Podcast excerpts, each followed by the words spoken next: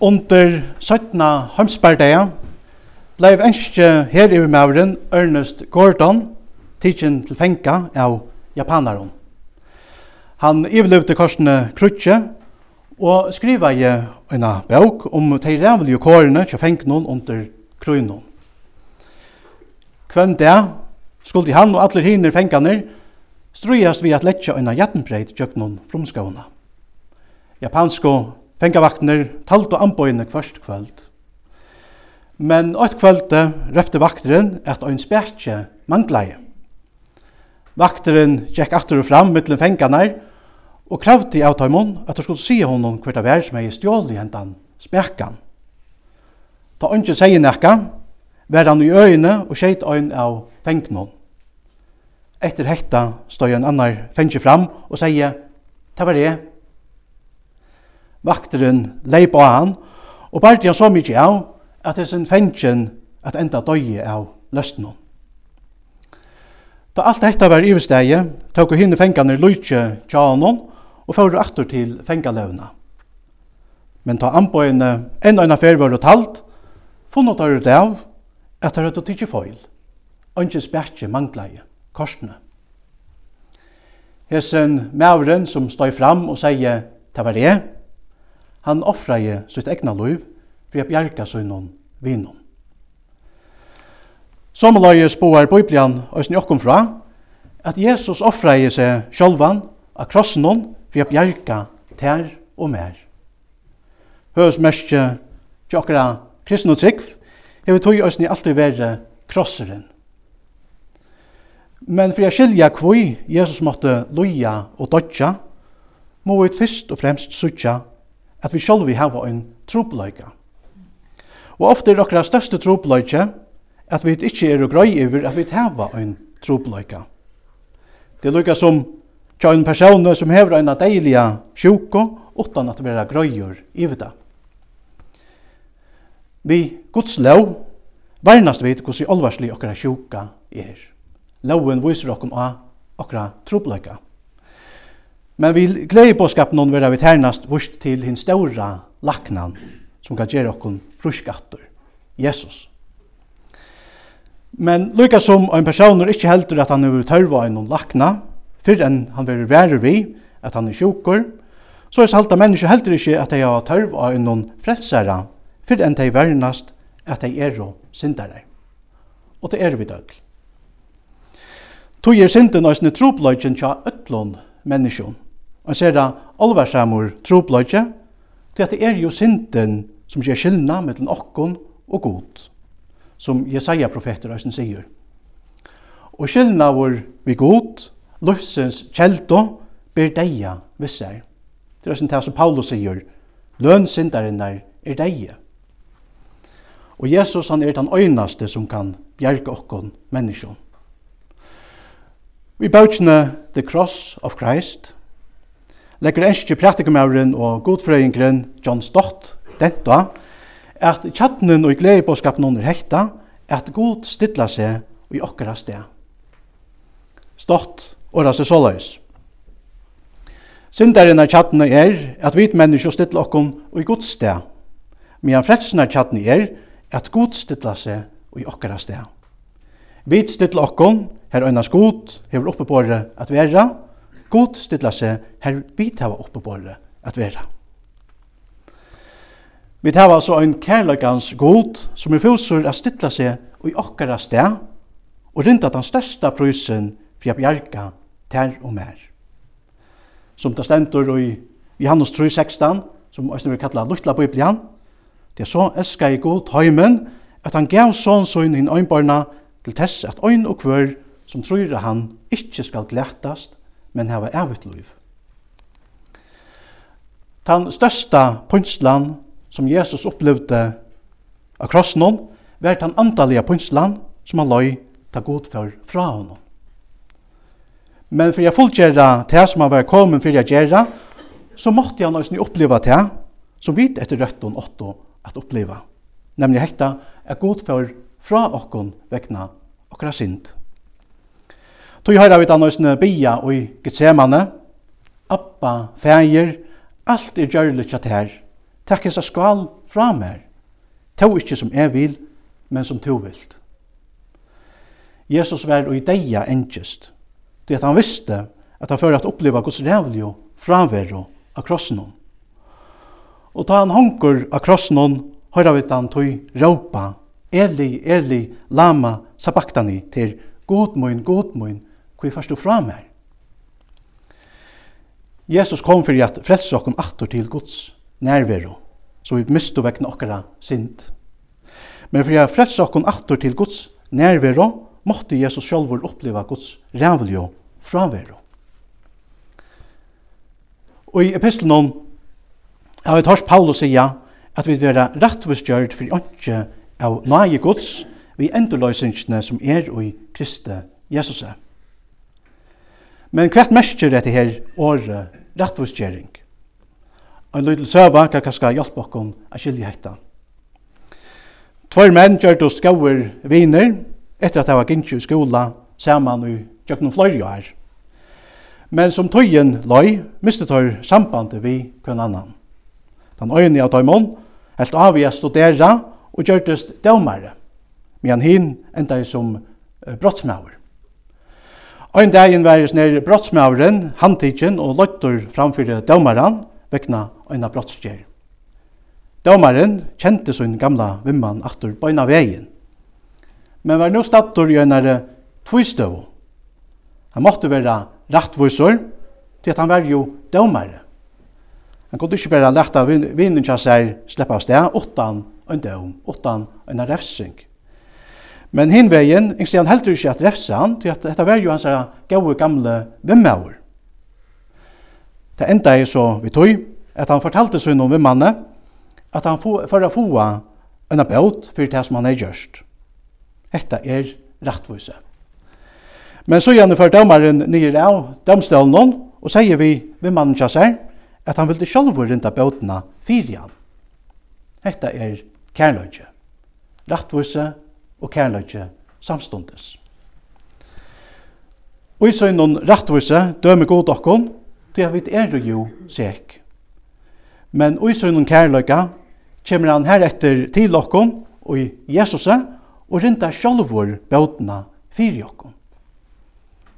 Etter kærleikje. Såleis rettvisgjer god okkon, såleis strikar god okkara skuldabraun. Som Paulus eisen sier, og i klossebraunen, Han strikaði ut skuldabrævet som kom okkon vi, og var skriva vi på ornum, det som var okkon og imot, og han bøynte fyrtøy vi til at han nelte til av krossen. Jesus er vår tidsje atlan okkara døm, fyrir atlar okkara synder, av seg sjálvan, og hefur såleis bøynt fyrir okkara lenka skuldabrave. Og i epistelen sier Paulus æsne, at endurløysingen er i Kristi Jesus. At vera endurløystor, mestir a vera leiskjeptor. Vi er jo nemlig öll så er menneskje, som har tørv fyrir a vera leiskjept. Det at vi er jo öll i utgangsdøy noen trealer, tja syndene. Og løn syndaren er, som sagt, er deie. Men Jesus han hever leiskjept okkon, vi sin ekna løyve og blåe vi er og dorst kjept. Jesus sier sjalvor, til at menneskesånderen er ikke helt kommet for å være tæna vår, men for å tæna og gjøre løyser som løyser gjald for mong. Øysene for te og med her i kvöld. Hans er blå, vær prøyseren for okkara frelso. Og tog vera menneskje best endur lost og gjøk noen hansara er blå.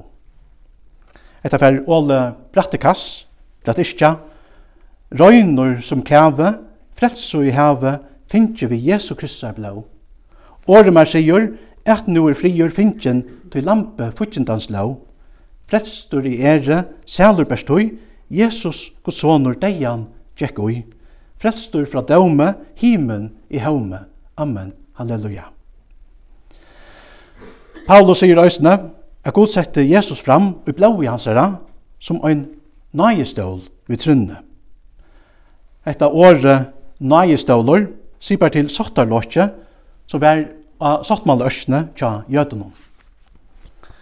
Og i Ermaus bøk 25 leser vi om byggneien av sottmaløsjene. Og her leser vi at Moses fikk på om at gjøre et lokk, et sottarlåk, som skulle lettjast om han av sottmaløsjene. Og i vers 22 i samme kapittel, leser vi at God sier vi Moses, her skal det koma av fund vi til. For det kristen og i det, hever jødiska tempeltænastan stauran myndaligan tøytning. Vi te at Jesus sjálvor er bægi hinn fullkomne høvspresteren og et fullkomna syndaoffre.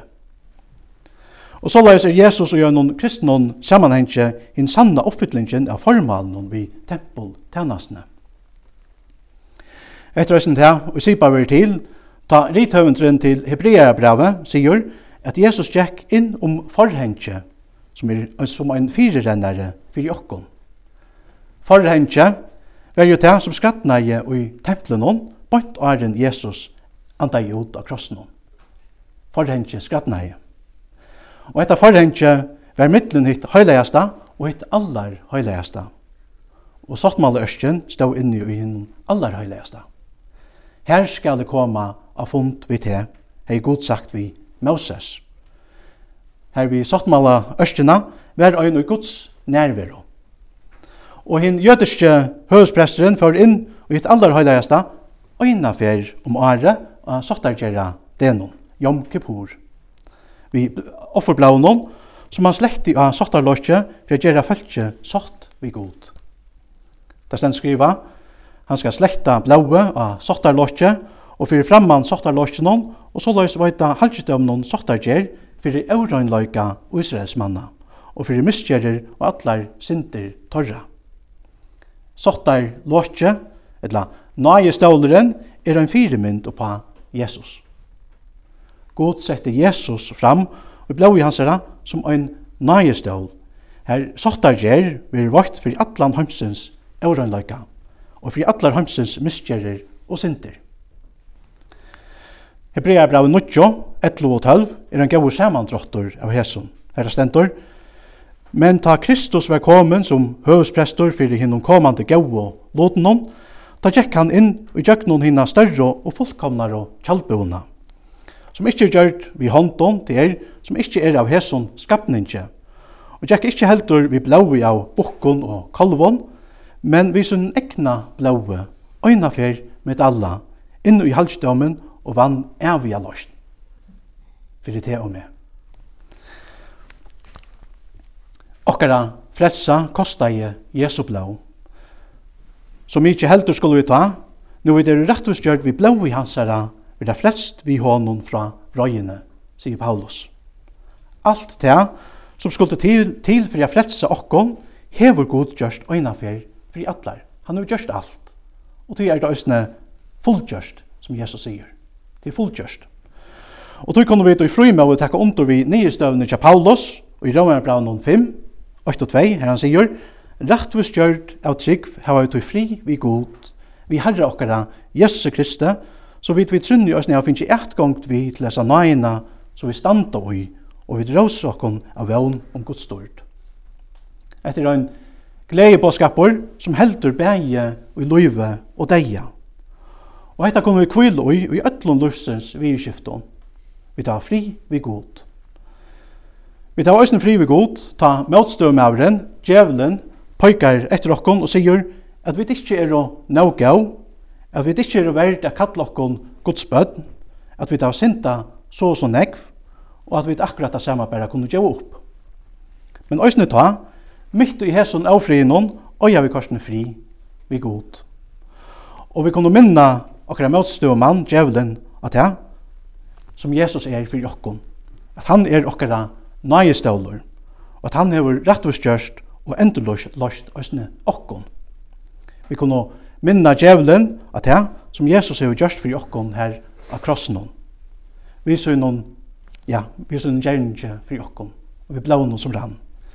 Vi fotler noen frøymøve, kan vi sige, møtt mer her, møtt mer av Golgata. Og jeg noen salme isker brorsan, Hver vil av meg klia, og til døms med dria, ut til Sinaie. Mina sind er skutje, og til Jesus flutje, han mer gjør fri. Styrke fann, min enkje vann, Luiv og sæla er mer lia, hver vil ta med klia. Som menneske er vi enten under daume av Sinai, etla under nøye av Golgata. Sinai i fjallet, her Moses vekt her boar støyntallene, vi tar mun tutsjo bånon. Hese bøyene, som viser okkon Guds vilja. Hese bøyene, som òsne viser okkon, at vi ikke har megna at liva opp til Guds vilja vi okkar løyve. Golgata er her at møte fjallet, her Jesus og i sunnum kærløyga tok allar okkara synder og allan okkara døm av seg sjálvan og døye av krossnum og i okkara steg. Krosseren døyler såstatt öll heimsins menneskjo upp i tvær bølgar. Enten er vi da Sinaie og få til, så vi tar oppe på det, etla flytja vi til krossen av Golgata, her Jesus døye og i okkara sted, for jeg gjør okkur til så vi ikke hava oppe på det, nøye og sintana fyrigjøving. Om vi vil trunne av Jesus standa av Golgata, så, så kan ønsken dri okkur til døms av sinai. Just du gjør det, og at brorson iskjer ut i danska salmen, møll meg da på Golgata, sier han. Jesus skal min seg an teie, vil meg an kleie. Og Golgata er det jo ønsken som kan akkere okkom, til at just her er det at Jesus han fruer til og med. Just her er det at ombyte fyrir fram, det som Luther Østen kallar i fyrir sæla byte. Jesus han tekur allar okkara synder og allan okkara døm av seg sjálvan og vit få hansara fullkomna rattvise, hansara røynløyka og avja liv. etter i sæla byte. Ongen kan fordøme okkom, ta vid vi trunne standa her av Golgata. Det er dømren i okkara synder, han hever langt og veri her. Av Golgata kom vi tog pøyka av okkara herra og frelsera, og sier vi øyna og kverja akærande rødt, Jesus hever langko golde fyrir mina synder, og jeg skal ikke gjalda fyrir nekka som langko er golde fyrir meg. Vekna Jesu fullgjørda fredsutgjerning, er det valsikna og årene og òsne galdande fyrir okkon her i kvöld. Så er det nu ånden fordøming fyrir teg som er og i Kristi Jesus.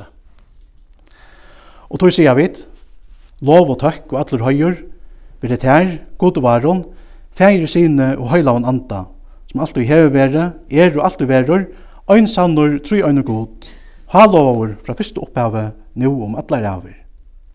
Amen.